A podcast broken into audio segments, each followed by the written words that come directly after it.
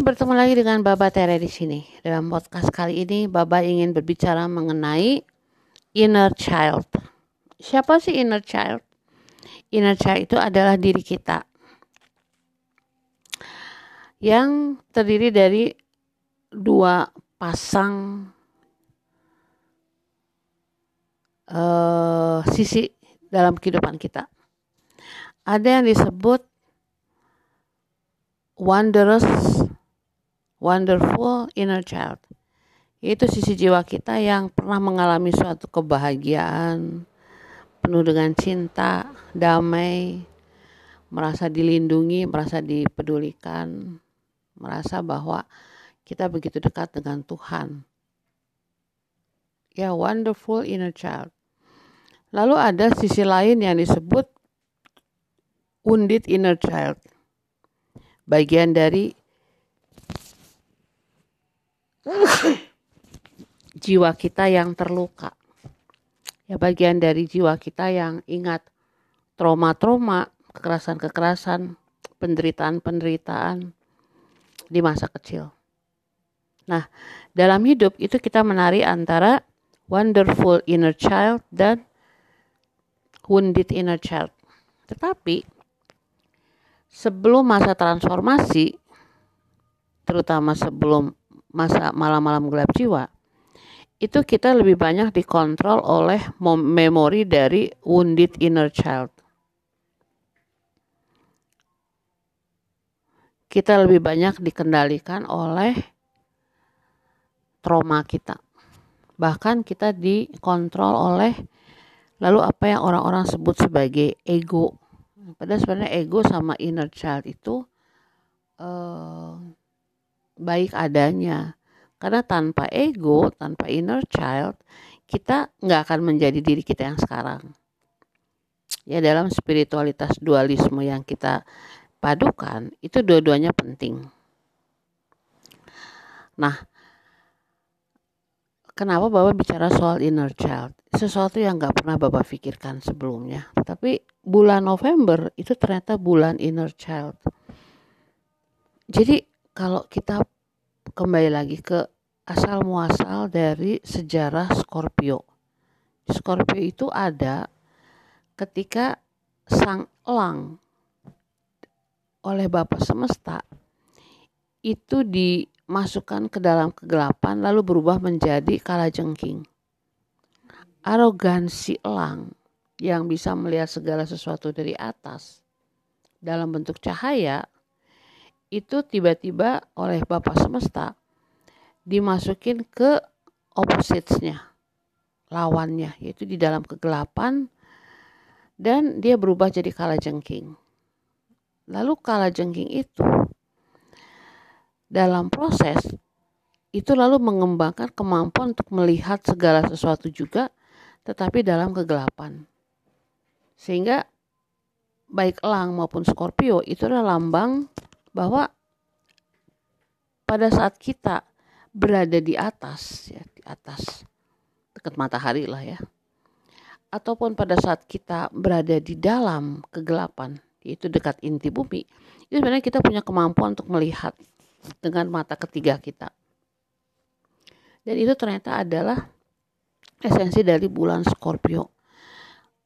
Saya pikir kenapa ya kok bulan ini berat banget buat saya, berat banget.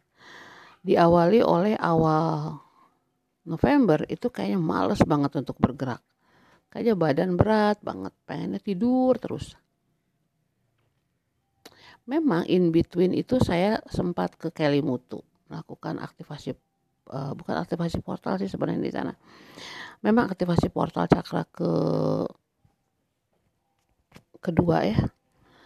Tetapi lebih ke koneksitas dengan perhelatan para naga. Para naga itu kan dia adalah mediator antara dimensi terendah dan dimensi tinggi dan saya menjadi bagian dari mediasi tersebut. Uh, pada saat di puncak Kalimutu itu memang saya nggak uh, tidak apa ya tidak langsung mendapatkan apa pesan-pesannya transmisi itu dilakukan sesudah kembali dari Kalimutu lalu dari waktu ke waktu saya dapat pesan kalau nggak salah ada lima pesan semuanya ada di uh, Facebook saya ya disebut uh, fans page pesan Kalimutu. Nah, tetapi ketika berada di Kalimutu itu saya mengadakan meditasi itu di depan danau yang disebut Atapolo. Atapolo itu dari mitologi penduduk setempat itu adalah uh, danau tempat kegelapan. Karena menurut penduduk setempat di malam hari itu terdengar suara-suara tangisan dari dalam danau itu. Nah, saya bersyukur banget karena saya sengaja tidak mencari informasi sebelum ke tempat tersebut. Jadi ketika saya meditasi, saya meditasi dalam konteks uh,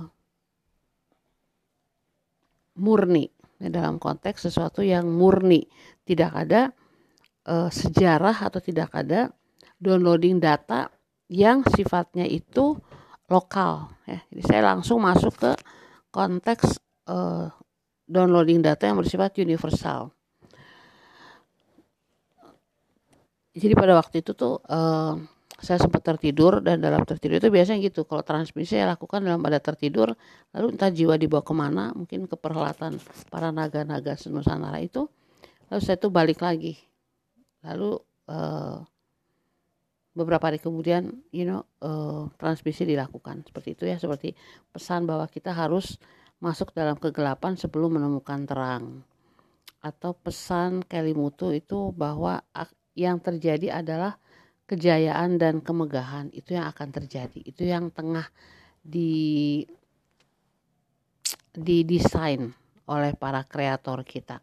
Jadi pesan-pesannya itu ada berbagai macam pesan itu ya. Tapi secara overall Scorpio bulan Scorpio ini bulan yang sulit. Sangat-sangat sulit.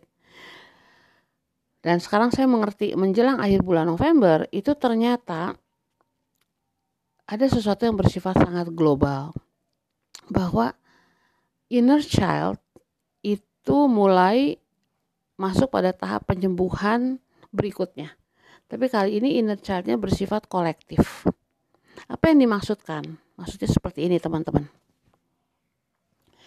jadi gerakan inner child itu baru dimulai tahun 1990-an di Amerika Serikat. Ada seorang laki-laki psikolog bernama John Bradshaw. Dia itu menuliskan buku yang berjudul Championing the Inner Child. Jadi dia menulis itu wah laku banget tuh seminarnya, bukunya dia malah buat program gratis di kayak TVRI-nya Amerika ya namanya PBS. Dan saya menjadi bagian dari pergerakan tersebut, movement tersebut. Saya memang didesain oleh semesta, oleh semua guide-guide saya untuk menjadi bagian dari masa pencerahan yang mulai dimulai di Amerika Serikat.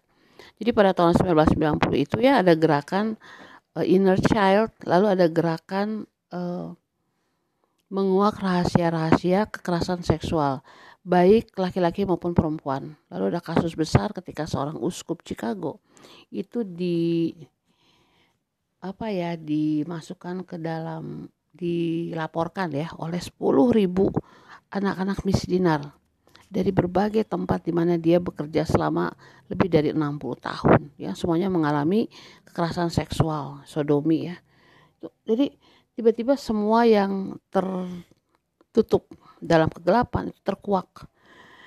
Lalu mulailah gerakan yang disebut uh, apa ya? Gerakan yang disebut uh, melihat hal-hal di balik kecanduan. Bahwa kecanduan, ya, adiksi itu bukan hanya sekedar kita melekat pada suatu benda, orang atau memori, tetapi di balik itu ada trauma-trauma masa kecil Nah, trauma-trauma masa kecil itu mulai digali ya. Amerika Serikat saja baru sekitar 30 tahun menggali.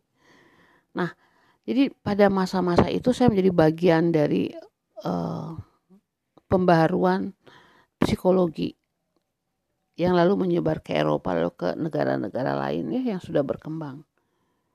Nah, pada waktu itu penyembuhan inner child itu dilakukan secara individual Walaupun kita mengikuti misalnya seminar atau workshop atau bahkan retreat dan dalam konteks ini saya bahkan bergabung dengan sebuah treatment centers selama beberapa tahun yang benar-benar menyembuhkan uh, luka batin ya akibat uh, child sexual abuse dan akibat kemiskinan, akibat sistem perbandingan di sekolah dan lain-lain itu dilakukan secara individual, secara individual dan sangat lokal. Hanya Amerika dan orang-orang yang punya akses terhadap penyembuhan tersebut. Karena kan itu harus baca buku, harus ngomong sama psikolog, harus ke support group ya, grup-grup pendukung. Nah itu kan semua butuh biaya ya.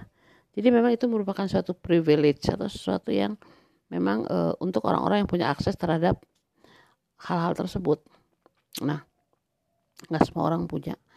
Nah, sekarang ya, sekarang ini itu inner child itu kembali lagi tapi dalam konteks kesadaran kolektif. Jadi dia mulai terjadi di mana-mana.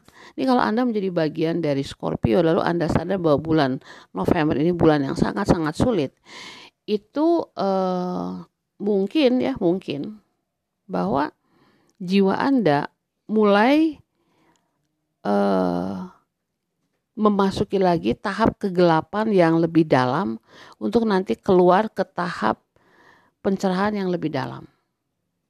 Jadi perjalanan jiwa itu seperti spiral. Seperti spiral yang dia akan kembali ke titik yang sama, kembali ke titik yang sama, tetapi dengan tingkat kesadaran yang lebih dalam, lebih dalam, dan lebih dalam. Dia seperti mengupas bawang bombay. Dia mengupas dari lapisan luarnya, lalu kita menjadi pedih mata kita ya, lalu dia kita harus kupas lagi, kupas untuk sampai pada inti dari bawang bombay itu. Nah, gerakan inner child menembus kegelapan, menemukan cahaya yang bersifat global kali ini sama seperti mengupas bawang bombay di dalam hidup kita bersama-sama. Sehingga energi yang dirasakan itu energi kolektif yang menekan, yang berat, yang gelap. Dan inilah bagian dari transformasi bumi. Karena kita semua di sini sebenarnya untuk bumi sih. Ketika kita sudah meninggal, kita akan kembali ke dimensi kita masing-masing sebagai cahaya. Dan kita akan senang sekali akan pergi lagi ke dalam tanda petik bumi lain untuk menjadi bagian dari transformasi saudara-saudara kita yang belum mencapai tingkat transformasi. Artinya, kita sebagai wanderer atau sebagai light worker dan dark worker pada saat yang bersamaan ini bukan sesuatu yang baru buat kita kita sudah melaluinya. Berulang-ulang. Ribuan kali ribuan tahun. Dan setiap kali kita masuk dalam fase kegelapan itu kita sadar bahwa ini bukan sesuatu yang asing. Ini sesuatu yang sangat familiar. Tapi tetap tetap. Bagian tersulitnya adalah ketika kesadaran dalam pikiran itu yaitu tingkat kesadaran yang paling tinggi itu lalu masuk ke dalam emosi kita nah yang merasakan semuanya adalah raga kita di situ yang paling berat jadi saya memang sudah merasakan beratnya raga ini sejak beberapa bulan yang lalu ya sejak awal covid dan saya nggak mengerti apa yang terjadi sebenarnya di tubuh ini. Nggak sakit secara penyakit, enggak. Tetapi kadang-kadang dia berguncang-guncang, kadang-kadang dia seperti uh, kesetrum, ya. kadang-kadang dia kayak petir yang menyambar lalu menimbulkan suatu goncangan yang besar. Ya. Sampai kemarin seorang sahabat itu bertanya, ya, dia bertanya seperti ini. Di beberapa kasus itu ada gelas yang tiba-tiba pecah begitu saja apakah itu gejala alam atau apakah itu merupakan cacat pabrik, cacat produksi gitu. Dan begitu saya membaca pertanyaan di WA group itu, lalu dalam benak saya itu ada sambaran petir yang sangat-sangat powerful. Dan jawabannya sangat mudah ya untuk menjawab pertanyaan sahabat itu. Jadi saya cuma bilang bahwa kekuatan elektro, elektro electronical charging ya itu sama seperti ketika dua orang yang berbeda jatuh cinta. Si lightningnya, si powerfulnya itu sama. Karena apa? Karena kita semua adalah atom. dan pertemuan antara proton, elektron, dan neutron itu menghasilkan sebuah ledakan. Jadi ketika gelas-gelas itu meledak itu terjadi karena uh, electronical charging antara positif dan negatif yang ada di gelas itu dan sekitar gelas itu terutama air ya, terutama air karena air kan merupakan konduktor ya, itu membuat si elemen-elemen gelas itu menjadi buyar, kembali menjadi atom. Seperti itu. Dan itu mungkin menjawab pertanyaan apa yang terjadi pada tubuh saya bahwa ini adalah proses penguraian materi yang dulunya berasal dari atom untuk kembali lagi ke atom. Dan itu programnya sama prosesnya itu gak nyaman banget, sangat gak nyaman. Tetapi itu masuk akal ketika saya mulai connect dengan apa yang disebut gerakan keluar dari kegelapan oleh inner child secara global. Jadi di mana-mana ya, nggak cuma di Bandung tempat saya tinggal. Uh, ada beberapa teman yang bercerita ya bahwa mereka itu kalau meditasi mulai menangis atau ada ya menangis yang nggak berhenti, yang nggak tahu dari mana air matanya gitu.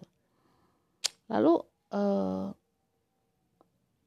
lalu dengar dari seseorang yang saya hormati ya di Amerika Serikat yang juga mengatakan hal yang sama.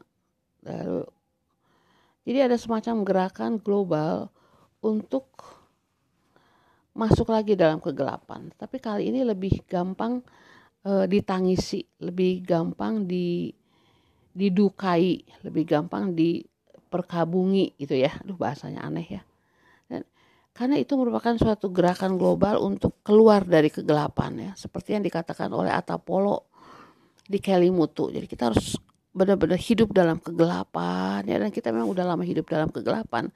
Seperti juga ibu bumi yang udah lama hidup dalam kegelapan. Nah untuk naik ke titik cahaya itu berat banget nget nget nget.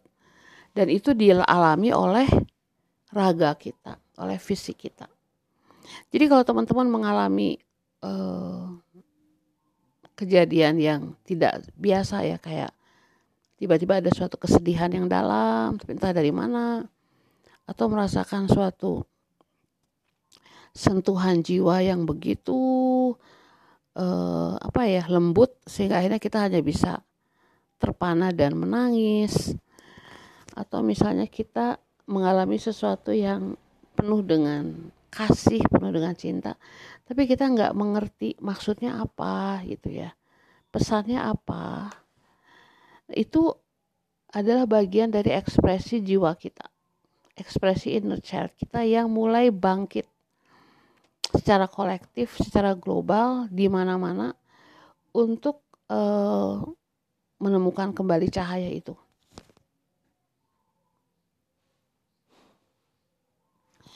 Dan bagi kita yang memang adalah para pencari ya, para petualang spiritual, ini koneksitas networking, jejaring antara matrix yang berarti mother dan pattern yang berarti pola yang adalah gabungan dari sisi feminim dan maskulin yang ber, berbentuk seperti sarang laba-laba itu mulai teraktivasi di mana-mana pada saat seseorang atau jiwa mulai merasakan cahaya itu dia seperti pertemuan antara jalur-jalur di dalam sarang laba-laba yang menyala lampunya. Dan mudah-mudahan sampai tahun 2024 ini si web itu dia menyala di seluruh dunia. Dan itu kita yang lakukan. Dan itu yang dibutuhkan oleh ibu bumi. Karena ibu bumi juga punya matriks dan pattern. Ibu bumi juga merupakan suatu jejaring. Ya. Nah, ketika ibu bumi itu mulai mengekspresikan uh, kegelapan yang dialami selama hampir 2600 tahun ya di era Pisces ya di mana bumi itu menyaksikan kolonialisme, perbudakan, penekanan terhadap perempuan, rasisme, sukuisme, uh, kekerasan-kekerasan berdasarkan agama. Bukan cuma lima agama besar yang ada di Indonesia tapi agama dari zaman Mesir dari zaman Zoroaster dari zaman-zaman di mana setiap agama yang dominan itu pasti menekan agama yang non dominan itu udah hukum alamnya seperti itu karena kita main di dualisme. Kontrol dan yang dikontrol. Penguasa yang dikuasai. Dengan cara apa pun juga. Dengan cara agama, non-agama, melalui tradisi, kebudayaan, peradaban, sukuisme, pendidikan, filsafat, semuanya itu adalah masa-masa gelap yang disaksikan oleh bumi. Nah, sekarang si kegelapan itu ya si uh, black hole yang ada di bumi kita itu sedang menguak ingin keluar. Itu persis seperti inner child yang wounded itu, inner child kita yang traumatik itu juga sedang kembali menguak.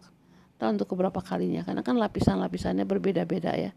Kita tinggal di multidimensionalitas, jadi kita itu menembus satu dimensi itu seperti membuka lapisan-lapisan yang ada di bawang bomba itu. Nah, dalam proses itu nanti kalau dari angkasa terlihat juga bagian bumi mana yang mulai uh, terang. Seperti sebuah sarang laba-laba di mana pertemuan-pertemuan antara jaring-jaring itu benang-benang itu ya persimpangan antara matrix dan pattern antara feminim dan maskulin itu nanti ada cahaya-cahaya seperti cahaya-cahaya kunang-kunang yang banyak seperti itu. Yang akan terlihat dari uh, gak cuman angkasa sih ya tapi terlihat dari uh, mata ketiga kita kita bisa lihat itu kalau kita meditasi terus kita benar-benar masuk dalam wanas dengan bumi dan secara global itu kita bisa merasakan bahwa eh, cahaya-cahaya uh, itu sudah mulai berkelap-kelip.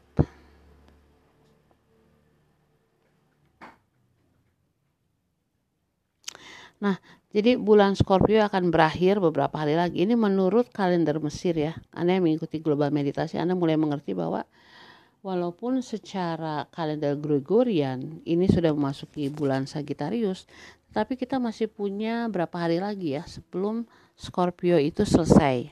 Hmm, lima hari lagi. Jadi lima hari lagi kita akan baru memasuki atau enam hari lagi ya, baru memasuki rasi bintang Sagittarius. Dan itu nanti konteksnya beda lagi, ya. Kalau Scorpio itu memang lebih pada uh, pada kegelapan, ya. Jadi kontradiksi antara gelap dan terang yang akhirnya menjadi suatu tarian yang harmonis antara gelap dan terang. Jadi, itu yang kita lewati bersama-sama.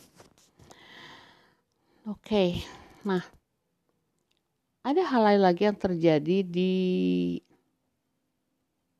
bumi kita, yaitu apa yang disebut sebagai awan topi. Ya. Awan topi itu ada di mana-mana sih, nggak cuma ada di Jawa Tengah ya, di atas-atas gunung seperti itu. Dan ini merupakan fenomena yang bersifat global juga. Lalu orang bertanya, apa sih maksudnya? uh, awan-awan topi itu menutupi puncak-puncak gunung itu atau bahkan uh, orang yang melihatnya tuh kok menarik banget ya ada banyak sekali kalau menurut saya itu adalah blueprint yang memang sudah disetujui oleh sesuatu yang jauh lebih besar dari kita yang dibuat oleh apa pun namanya ya konsel federasi konsel yang ada di Jupiter yang lalu memang ingin membantu bumi. Kalau dilihat itu tuh mereka semua pengen bantu bumi ya. Banyak sekali peradaban-peradaban dimensi-dimensi atas yang mungkin eh, tetap mereka ada di dimensi 4 ya. Jadi yang masih ada fisiknya dimensi 4.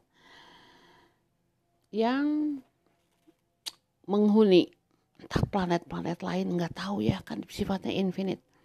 Bapak selalu berpegang pada apa yang dikatakan oleh NASA NASA mengatakan bahwa di galaksi kita Bima Sakti ini ada 40 ribu planet yang menyerupai bumi. Bayangkan ya, 40 ribu planet yang menyerupai bumi. Itu belum berapa puluh planet yang menyerupai. Merkurius, Venus, Mars, Jupiter, Saturnus, Uranus, Neptunus, dan Pluto. Jadi dia infinity banyak banget. Nah, ada planet-planet yang juga mereka itu masih berproses dengan memakai raga seperti kita. Dengan teknologi yang canggih itu mereka datang membantu kita menyebarkan energi.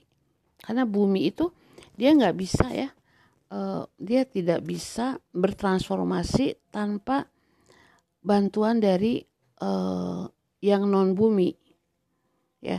Kita wanderer, pekerja cahaya dan pekerja kegelapan itu memang membantu bumi. Ya, kita bisa sangat-sangat powerful kalau kita udah connect banget dengan uh, oneness ya, oneness sang atom utama, kita bisa. Tapi ini suatu proyek bersama. Jadi harus dilakukan secara bersama. Nah, di mereka datang, mereka bantu kita dan mereka ada dalam bentuk awan-awan topi itu kita nggak bisa lihat karena kita nggak karena kita nggak nggak apa ya nggak dilatih untuk melihat spaceships. Saya ingat waktu suatu hari saya baca buku tuh judulnya uh, pendaratan orang-orang barat orang-orang Eropa ke uh, daratan Amerika Serikat. Nah penduduk-penduduk aslinya kan yang kita sebut sekarang orang Indian Amerika ya. Ada Apache ada suku macam-macam deh Mohawk ah, banyak lah lupa saya tapi ada satu cerita yang menarik bahwa digambarkan ya di buku cerita bergambar itu bahwa seorang laki-laki Indian itu menatap ke laut. Nah, pada saat dia menatap ke laut itu kapal-kapal Portugis, Spanyol itu sudah mulai uh, terlihat sebagai suatu titik di horizon laut itu dan mulai mendekati pantai.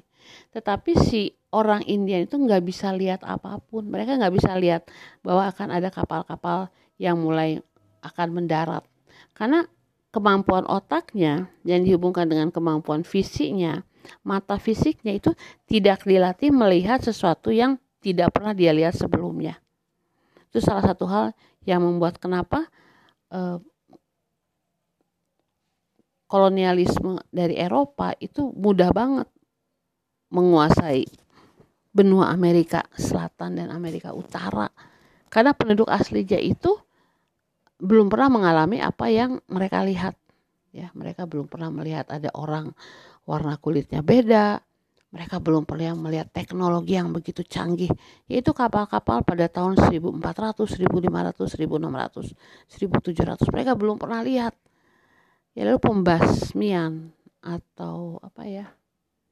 Pembunuhan lah, pembunuhan orang-orang Indian Amerika itu begitu gampang dilakukan. Ya karena mereka eh, belum punya pengalaman berhubungan dengan sesuatu yang asing. Nah, hal itu juga sama seperti yang kita alami sekarang. Jadi, kebanyakan mata kita itu hanya melihat awan-awan itu. Tetapi mereka yang sudah sadar semesta, sadar kosmos dan kosmik, sadar atom itu tahu bahwa awan-awan itu adalah bagaimana kita memandang sesuatu yang sangat familiar yaitu awan tapi dia bukan awan dia adalah uh, entitas-entitas berteknologi tinggi yang datang dari berbagai planet atas kesepakatan federasi yang untuk datang untuk menyebarkan energi yang ada di bumi. Salah satu cara mengeliminasi mengurangi dampak negatif bumi pada saat akan bertransformasi. Kalau nanti di mana-mana ada gempa bumi, bayangkan ya, kalau ada beberapa uh, gunung yang dia itu ada dalam satu lokasi yang hampir dekat, lalu sama-sama meledak, itu bisa menjatuhkan pulau ya. Bayangkan kalau Merapi, Merbabu, lalu uh, Wilis, Lawu, hmm, satu lagi tuh yang di Malang tuh gunung hmm, apa ya itu tiba-tiba meledak semuanya bayangin ya. Jadi awan-awan topi itu adalah entitas tingkat tinggi yang kita sebut spaceship ya. Mereka itu jauh lah mereka nggak usah berbentuk spaceship yang kita lihat karena spaceship yang kita lihat itu dia benar-benar peradaban yang dalam tanda petik teknologi rendah bagi mereka. Mereka bisa datang dalam bentuk uh, kesadaran atom lalu mereka mulai menyebarkan cinta di mana-mana melalui awan-awan topi itu ya jadi semua bekerja sama semua bekerja sama untuk uh, membantu bumi bertransformasi dan kita menjadi bagian dari itu. Kita harus ingat bahwa kita tidak lebih rendah daripada mereka yang bisa menjadi awan-awan topi itu. Ya.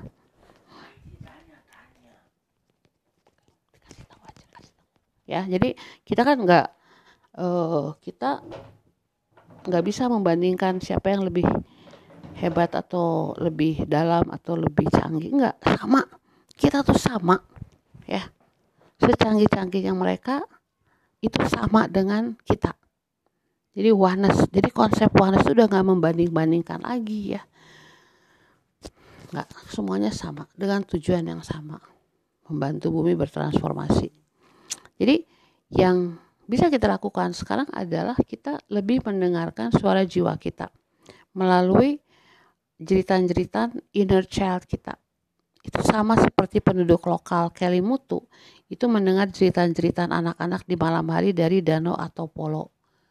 Nah, cuman masalahnya adalah ketika kita lalu uh, menafsirkannya sebagai sesuatu yang bersifat mistis, klinik, lalu kita nggak benar-benar menjadikannya sebagai bayangan atau mirror untuk masuk ke dalam diri kita. Bahwa di dalam diri kita itu ada yang disebut atapolo. Bahwa di dalam diri kita itu ada yang disebut black hole di dalam diri kita ada yang disebut eh, trauma-trauma inner child dan ini sifatnya juga global ya jadi sebenarnya baba harusnya pakai kata inner children. Karena satu jeritan inner child dari seseorang yang tinggal di Amerika Serikat atau di Afrika atau di Australia itu sebenarnya kita bisa mendengarkannya. Karena jeritannya sama. Jeritannya sama. Oke teman-teman, mungkin itu saja dulu ya sharing tentang akhir bulan November ini. Bapak berharap bahwa kita semua uh, jangan berdoa untuk keselamatan, karena pasti ada yang nggak selamat. ya saya kadang-kadang lucu kalau baca-baca itu teh. Ya berterima kasih karena kita diselamatkan. Kita nggak cari keselamatan, kita sudah selamat. Ya, jadi yang kita tujukan adalah koneksitas kita connect dengan berbagai matriks dan pattern yang ada di semesta ini melalui jejaring. Lalu di situlah kita menjadi uh, pekerja cahaya sekaligus pekerja kegelapan. Membantu bumi bertransformasi. Apa sih transformasi? Trans artinya supra, form itu artinya bentuk. Jadi dia naik ke bentuk yang supra, bentuk yang lebih tinggi itu namanya transformasi oke sampai sini saja teman-teman salam harmoni dan namaste